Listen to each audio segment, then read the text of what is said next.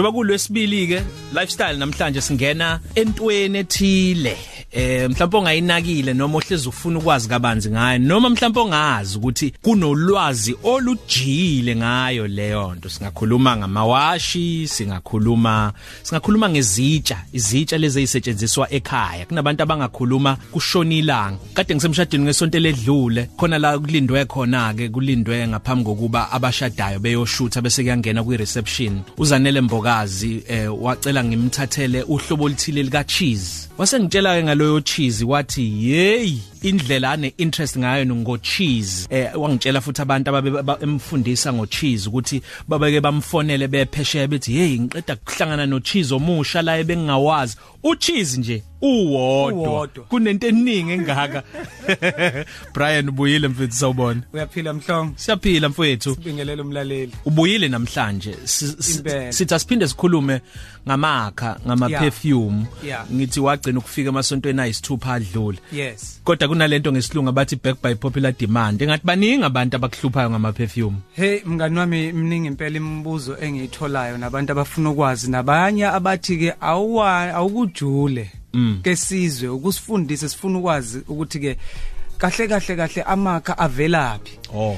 Uyazi siya ake ngiqale la. Kuningi ngempela ngabe siyakufunda singabantu izinselelo zokuphila zenza ukuthi sigcine singasafocusile sesinganaki sigcine sesibheke ukuphila kuphela singasanaki ezinye izinto uthola ukuthi zinolwazi olujulile. Yeah yeah. Umbuzo ke engiutholayo kakhulu siya ukuthi ake sikuveze ukuthi asukaphi uthini umlando wamakha why kumele ngizihluphe ngokuthi nginuke kamnandi? Mhm. kunani manganuki kamnandi? Ngithole nje umunye othi ke ufuna ke ukusurprise umuntu wakhe. Eh manje uthi umuntu wakhe lo wesilisa umuntu ongawakhonzile amakha. Mina ngiyazibuza ke ngithi unjani umuntu wesilisa ongawakhonzile bakhona kodwa yazi ukhuluma iqiniso basho njalo ukuthi hayi mina ne perfume nje hayi. Yeah mhlambe ke siya ngivumele mfowethu ngingene ekutheneni amakha umlando wawo ujulile. Uzokhumbula noma ufunde eBhayibhelini ku First Kings chapter 10 verse 10 okhuluma ngonkosikazi waseShiba mhm. Ku verse 10 wakhona likhuluma into esimangaliso kabi. Lithi wayephethe igolide namakha. Namakha. Bese lithi lawo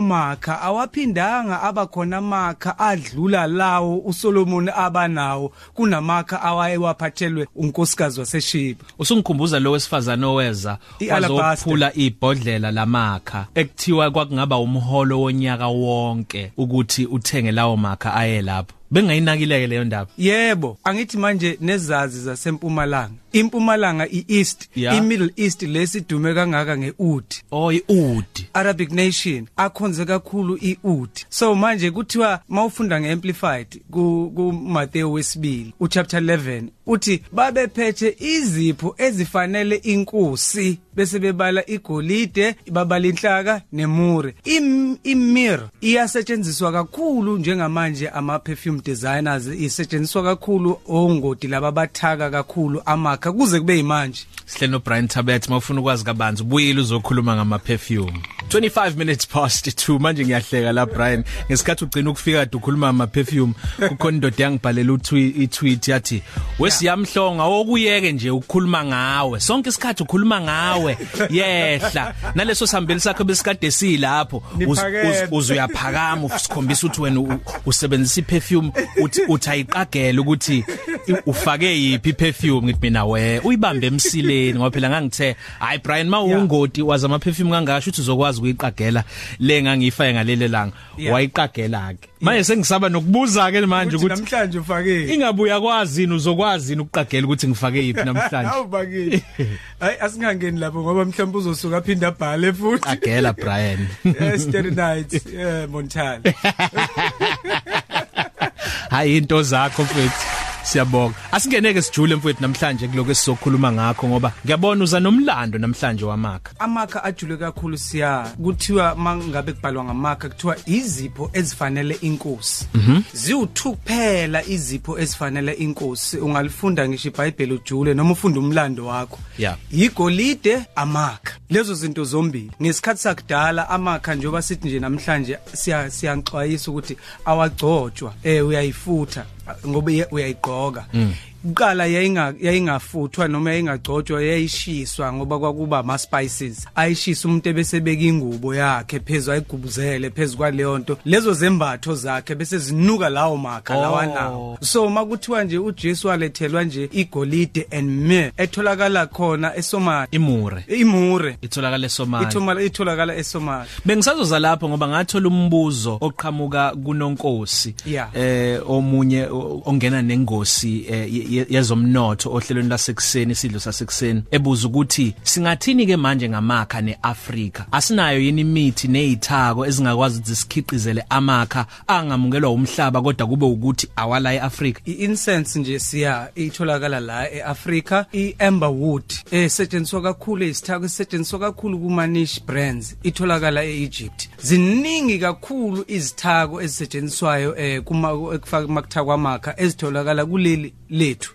Mhlambe ngaba ukuthi nje asikangeni thina sagxila kakhulu kulemboni yamakha njengabantu abamnyama sibe nama formulations ethu sibe nama creations ethu izinto esazi kahle ukuthi i-house of Siyale. Kodwa awakho wena wena icomposer wena ohlala phansi wena oshoyo ukuthi thakani lokhu thakani lokubuyisana kunuka kahle makunuka kanje akakanuki kahle hambisane nibuyise ngoba kahle kahle kufanele ibe less synthetic siya ingafaki kakhulu ama chemicals ifake kakhulu izithe izithelo makuyizithelo ifake kakhulu ama spices kube izinto zendalo zemvelo ezenza ukuthi lento enanikhuluma ngayo siyanithi iperfume kumele ibe ozone friendly. Yeah. awutholi ke uozone friendly noma kanjani uozone friendly utholakala kwizithako zemvelo zendalo. Ingakho uthola ukuthi ama ama ama designer fragrances amaningi awo awekho ozone friendly. Ngoba sebenzisa kakhulu ichemical. Ayazwakala Brian. Asibambe lapho. Soke singene sijule kunalomlando wamakhosi. Ngifuna ukwazi ukuthi imaphi mhlambe ama perfume asedumile namhlanje aba abasunguli bawo abekade bewakhela amakhosi. Nale udi le ngoba hamba hamba kuvele leli igama elithi udi bese usinikeza mhlambe i-top 5 yakho ke namhlanje imzuzu ingamashumi amabili ngaphambi kokuthi kushaye ihora lesithathu uthole uhlelo lwakho oluthandayo sisonke drive umzo ehambisana nomroza baba semsazweni wakho phakathi ka 3 no 6 khona ke uBrian Brian uyayibona indaba ukuthi ngathi ke uma kunale timetable ebuyithi kungagezwa? Hayi. kosiza ama perfume ngeke isiza ayisizi makunjalo ngoba iyagqokwa nayo. Manje kumele uthi before uyifake nje isikhumba sibe moisturized kube khona ukugcoba kuqala oh. Ngoba phela kabili ikhona le othola ukuthi ayinayo imbalabala eh, eh, othola ukuthi ingagcina isidaya impahla. Uthola ukuthi impahla isiyangcola ngenxa yokuthi usufuthile lapha uyifutha esikhumbeni futhi nje kude busuyayiyeka ungayihlikihli uyishiye kanjalo. Kodwa leso sikhumba kumele sigezwe kumele sibe moisturized. Oh manje makwenzekile ngafutha empahleni kusuke kuhlobo olunjani lweperfume lolo? Awukho umthetho eh, njomana othi ungaphu ungafuthi em- empahleni. Kodwa ke ilento sibiza ngejuice yona iperfume impela. Yeah. uma ubuka ukhala wayo uthola ukuthi mhlambe umuntu wama shirt amhlophe u- ugqoke iz- izimpahla ezigqamile mela kude ubusu uyayispray uyispray ibisiyeza izohlala engutsheni kodwa yona isebenza kahle hle nesikhumba sakho nesikhumba wabalula ukuthi Kumele emqaleni iphefumulo. ngemuva nasesihlaka nasehlakeleni Nasesihlakaleni. zombili Yebo. izona Yeah. indawo lezo lilezo lezo indawo esifubeni ezibalulekile. nasesiswini noma ngizovele ngiyishaye nje kulezo indawo ake ngiqale ngiveze kanjena mngani wami kuya ngokuthi iprojection yayo ngathini ngesizulu ngizoyibeka kanjani indlela eziveza ngayo Amandla ayo. amandla ayo kukhona uthola ukuthi enye amandla i-most yawo even nawo ama-niche brands amandla awo aba wo-7 hours 6 hours 8 hours max Okay. azidluli lapho kodwa ke manje ngenxa ukuthi usukuyithanda wena u- u- u- uyifaka ngendlela ongathanda ngayo noma ikuphi kodwa lezi indawo lezi esisuke sithi thina zifake kuzona izona indawo lezi einama pores izona indawo lezi eziphefumula kakhulu ezenza ukuthi mayihlangana ne, ne perfume ikwazi ukuthi project Okay. emuva ngaphambili la uhamba khona abantu bayizwe Ngif- ngifuna lo yamlando wamakhosi nama Yeah. perfume basakhona yini abenzi noma abakhiqizi bama perfume namhlanje ababeqale benzela amakhosi? Inkulu kakhulu imboni imboni yama perfume siya kuma Arabic nations uh, Middle East um Dubai inkulu ngendlela esimangaliso inani layo bafike babeka inani lika oil ngemva kancane nje kwenani lika oil ama perfume so ke bese kulandela igolide ke? Igolide ngoba nakhona mawuzobhekisisa igolide la kuthina kufike libe u number 1 ngokwamakhosi nangokweBhayibheli lifike libe u number 1 ngemva kwegolide bese kuba amakha bese u number 3 uba amanye ama precious stones amanye amatshe. Okay. Yeah yeah. Njengo rubies no njengo rubies kanjalo. Kunama houses nje aqalwa eqalelwa nje ukwakhela amakha akhela amakhosi kuphela ngoba kahle kahle amakho amakha njengoba ngeke ngaveze eqaleni ukuthi these are ama gifts fit for a king. Izipho ezifanele inkosi. Yeah. Yebo ingakho khona amanye uthi mawafakile uzizwa wena njenge njenge king uzizwa ukuthi ngiyinkosi ke akho mali ngisho ebank kodwa mawuyifakile uza ukuthi uyazi ngangena noma ikumuphi umhlangano la? ngingawugoqa manje ngenxa yendlela ekwenza ukuthi uzizwe ngayo. Okugcina ama oud asetshenziswa kanjani atholakala kanjani? Yini okumele siyazi siqaphele ngawo? Ake ngiqale lana ke nje manje uma umuntu owalandelayo amakha nowakhonzile awukwazi ungazi ngeudi iudi itholakala esihlahleni esibizwa ngeagar wood. Arga wood mm. lezo zihlahla zitholakala eNdiya iudi iantibody isihlahla masihlaseleka siyesikhiqize something. Oh. loloketshezi olusuke likhiqizwa isihlahla leso sihlahla ekuthiwa arga wood ibizwa ngeud leyo nto. Mm. itholwa amandiya isetshenziswa kakhulu uhlobo lamandiya oluzibiza ngamahindu. Ibibizwa mm -hmm. ngehindu vurt ukuqala kwayo. Iyaya yathandwa kakhulu ngabase east abase east bayithanda empumalanga. Ya empumalanga bayipheka mayisiphekiwe bayisebenzise emasontweni bayishunqise eindaweni abakhonza emathempelini. endaweni abakhonza kuzona. Njengamanje siya mangakutshela inani le le udi eh kulezo zindawo ele golide lingaphansi igolide igram yeoud is more expensive ibiza ngaphezulu kwe kwe kwegolide ioud so ke iIndia ekhiqiza kakhulu ioud bese kuba iCambodia bese kuba iIndonesia. iIndonesia ke ithola kutholakala lawa angatha sweet ngoba lawa oqala engwabalile strong kakhulu. awukwazi ukuyimela. Uyabona mawungayithola i raw ihlaza kungaphuma abantu babaleke ibhilidi lelonke kodwa mawungabuya kusasa ungathi nje angifuna ukuphuma kuleli bhilidi ngendlela obekunuka kamnandi ngayo. kunuka kamnandi ngendlela eyisimangaliso so uma umuntu olandela eh amakha kakhulu kumele ukuthi nje uqale kuleyo ndawo uqale kuma ouds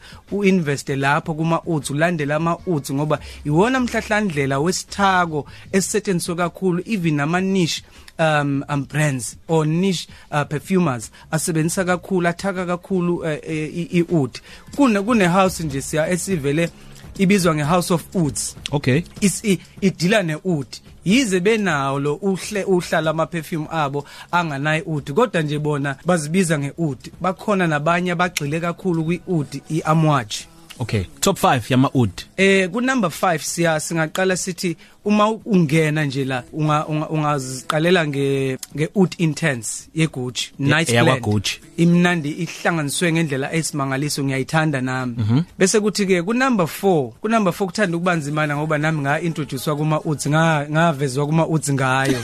Ngiyazi kahle ke ya?